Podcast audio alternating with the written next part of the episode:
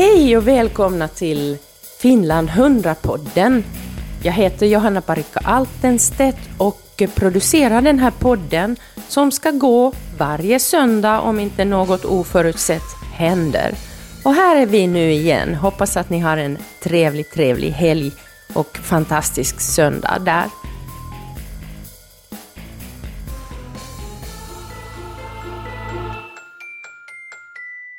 Vi fortsätter vår historiska resa som beskriver Sverigefinländarnas historia och historiska rötter i Sverige och Finland. Mellan 60 och 70-talet gjordes det cirka 322 000 flyttresor från Finland till Sverige och eh, man beräknar eh, siffran vara runt 700 000 under hela 1900-talet. Men den siffran är lite skev därför att många har ju flyttat fram och tillbaks flera gånger också. Vi vet att trafiken var som värst och störst 1969 och 1970 då uppemot 40 000 personer per år kom till Sverige. Varför kom då alla dessa finnar, Susanna Alakoskis och bandet Kents föräldrar hit? Den stora arbetskraftsinvandringen. Jo, det var ganska enkelt därför att Sverige skrek efter arbetskraft och på den tiden då var ändå industrin så arbetsintensivt att man kunde ta folk som inte hade jobbat på fabriker tidigare och ganska snabbt och enkelt lära upp dem och sätta dem och jobba på löpande band eller vad det nu kunde vara.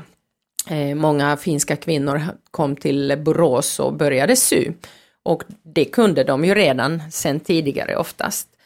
Eh, men svenska bolag de åkte ju runt i Finland och raggade arbetskraft. Man åkte runt i byarna, man tog byskolans lärare med sig som tolk, sammankallade kvällsmöten och bad folk att komma dit.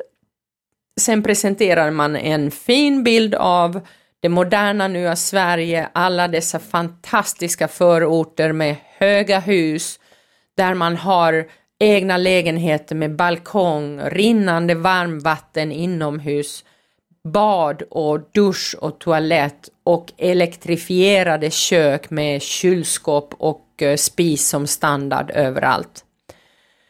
Och tillgången till de här lägenheterna skulle man få, man kunde få en bil eller en moppe eller ja, löftena var många. Och det var många som nappade på det. Eh, de här människorna kom ofta från landet, från fattiga förhållanden eh, och flyttade då till Göteborg, Västerås, Eskilstuna, Borås som vi sa, Olofström, Landskrona, stort varv, eh, stad och Malmö såklart. Och blev de finska arbetarna. Eh, sedan under 70-talet eh, upptäckte man att man måste börja prata om språk och integration och sådant. Ganska många barn mådde dåligt för att de slängdes in i svenska klasser och eh, föräldrarna också blev språklösa, rotlösa och eh, vände sig inåt till sina finska grupper väldigt mycket. Eh, det blev inte en integration utan det blev en isolering kan man säga. Då började facken och politikerna diskutera det här samtidigt som det fanns en idé om att de här människorna jobbar några år i Sverige och sen flyttar de tillbaka. Så att vi behöver inte bygga institutioner för finländare i Sverige. Eh, det fanns enligt eh, UD-tjänstemän som jag har pratat med, bland annat då, ja, Risto Lakonen och en gång i tiden eh, Hjalmar Rantanen, de har sagt att eh, det fanns en icke skriven överenskommelse att finnarna ska tillbaks till Finland sen. Och därför tog varken den svenska eller finska regeringen det här på riktigt stort allvar, vilket är nog en av de grundproblemen för den eh, situationen vi har idag. Eh, och i och med att de här finländarna inte skulle bli en integrerad del av samhället och stanna så begränsades också en hel del initiativ man hade. Finländare ville faktiskt på 60-talet redan starta eget parti och det var inte ett parti som var vänsteråt utan det var snarare eh, mittenparti. Eh, och det skrämde ju svenskarna ordentligt då man tog tag i det här eh, för att eh, hålla finnarna apolitiserade till en så hög grad som möjligt. Eh, lördagsskolor som Finland som stat stödjer runt om i världen. Om finska föräldrar vill starta lördagsskolor och så att säga ge sina barn en finsk skolutbildning på lördagar så har man en möjlighet att tenta av sen de här klasserna med hjälp av finska utbildningsdepartementet eh, och får officiella finska betyg som om man hade gått i en finsk skola.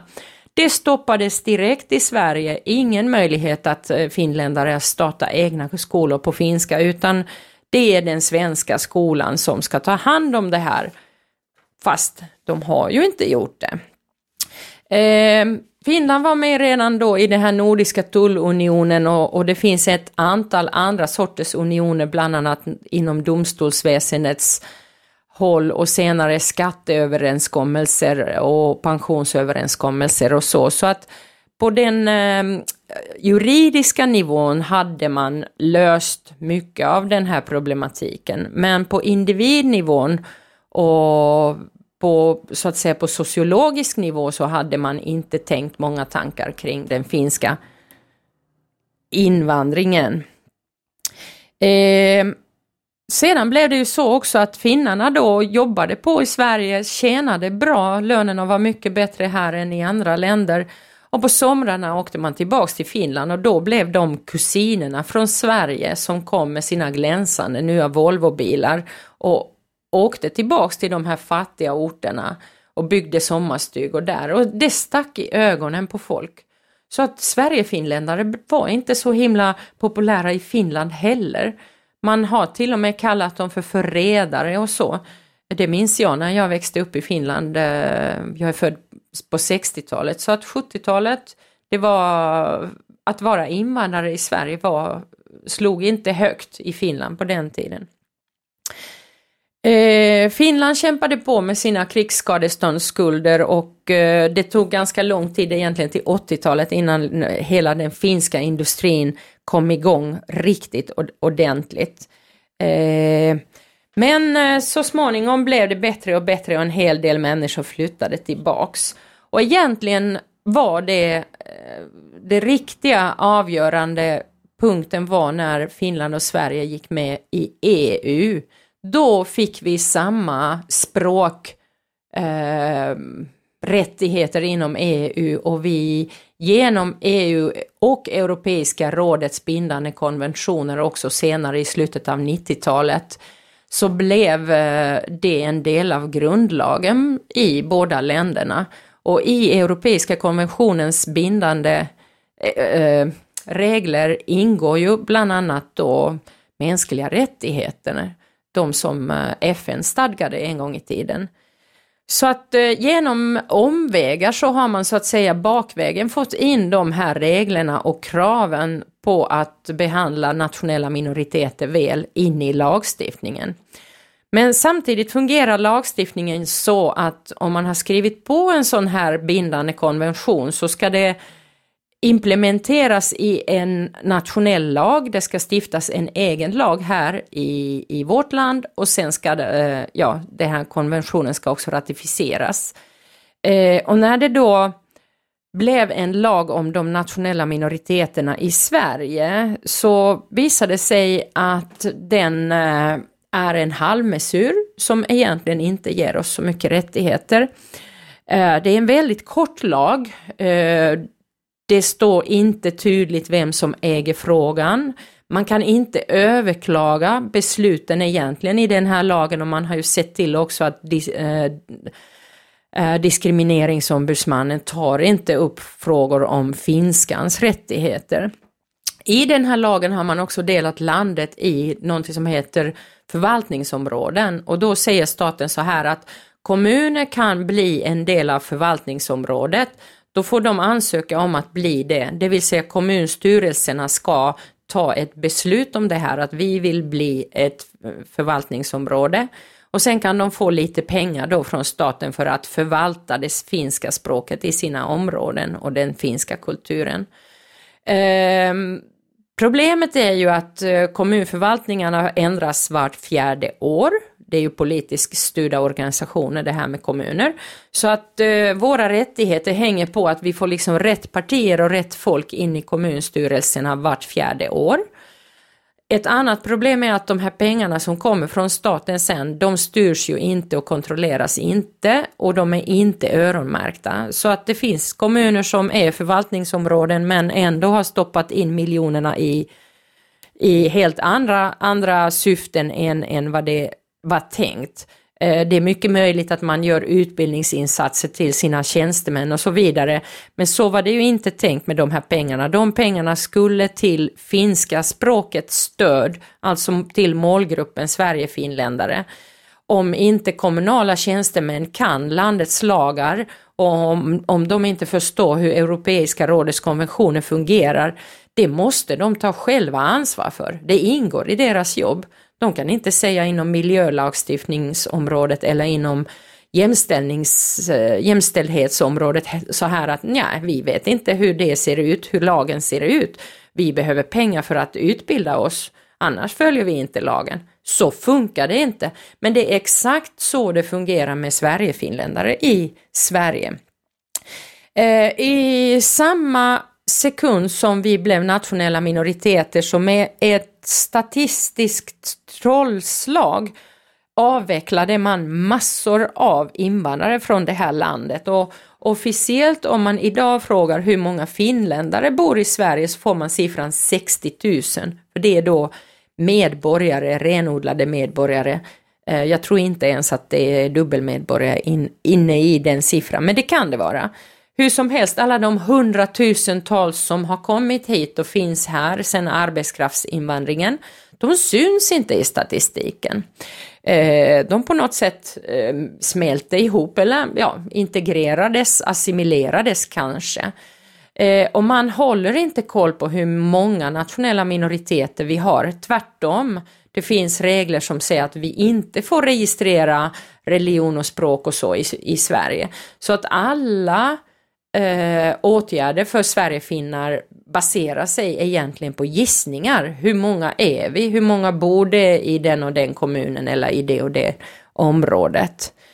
Eh, våra institutioner har också helt, vad ska man säga, fastnat i sin utveckling och eh, är fortfarande på barnnivå när man tittar på sändningstid på public service till exempel, hur mycket tid man har för sändningar, vilket typ av program som sänds och så vidare, så är det ju inte särskilt djupt. Det finns inga grävande redaktioner som gräver om någonting som har med nationella minoriteter att göra. Eh, allra minst gräver man i de egna institutionerna som där samma folk sitter och lallar runt som, som det har liksom varit sedan 80-talet egentligen. Så läget idag är sådant att bland annat Lena Huss, språkprofessor i Uppsala och Tove Skudnab Kangas, professor vid Roskilde universitet, har båda pratat om språkdöden och språkmordet. Faktum är att det är införseln av de nya finsktalande finnarna till Sverige som håller språket levande inte institutionerna och skolan i Sverige. Det här med skolan är lite intressant för att eh, om man tittar på svensk grundlag så har staten absolut krav på sig att leverera skola till medborgare. Det är inte en relativ rättighet som går på något sätt eh, förhandla bort eller ändra. Och då kombinerat till lagen om nationella minoriteter där man också konstaterar att skola och utbildning är en nyckelfaktor så borde skolministern och Skolverket jobba mycket hårdare för att få skolorna leverera det som behövs för nationella minoriteter. Och det som behövs det är då undervisning, undervisningstid i det integrerade schemat, en lärarorganisation som är en del av skolans organisation och inte som en ett eh, mm, ballong utanför skolan som det är idag. Modersmålslärarna är ju helt utanför oftast av det skolsammanhanget och cyklar runt i olika skolor bara på, och, och rapporterar till helt andra ledare än resten av skolan och de hålls aldrig informerade om friluftsdagar och studiedagar och allt som händer i skolan och det är många gånger som både läraren och eleverna eh, inte får relevant information och, och timmarna försvinner hit och dit. Eh, det behövs också lärarutbildning värt namnet. Det behövs betygskriterier värt namnet och det behövs läromedel värt namnet. Och detta har vi pratat om sedan 80-talet, så, så himla svårt kan det inte vara.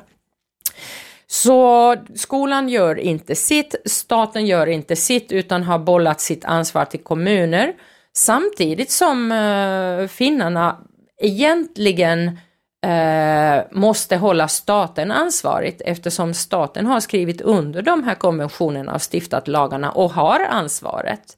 Så att eh, det är väldigt schizofren situation när det gäller ansvarsfrågan och vem som styr hur man ska upprätthålla språket och utveckla språket och kulturen. Enligt min mening är det ingen slump utan jag tror att det här är söndra och härska och blanda ihop korten så mycket som möjligt för att eh, helt enkelt trycka ner finskan i Sverige. Just nu pågår det en eh, revision av den här lagen och den leds av eh, Stockholms länsstyrelsens tjänsteman tror jag det är för att man har gett Stockholms länsstyrelse ansvaret att så att säga hålla reda på hur frågorna kring nationella minoriteter sköts. Eh, och det går under kulturdepartementet om jag har förstått det rätt. Lennart Rodin, eh, liberal, eh, förbereder det nya lagförslaget som ska komma i maj. Så det är dags att reagera nu. Om ni har synpunkter, eh, rapportera till Lennart genast. Jag tycker att eh, fyra krav är ganska relevanta i den nya lagen. Lagen ska gälla i hela landet. Det ska inte vara något system där kommuner röstar eh, inuti sig ifall de vill följa dessa regler som är en del av mänskliga rättigheter, Europarådets konventioner och EUs grundfördrag. Sedan ska självdefiniering gälla. Vi Sverigefinländare själva får definiera vem som är Sverigefinländare, vem som inte är det. Eventuellt frivillig registrering ska införas också.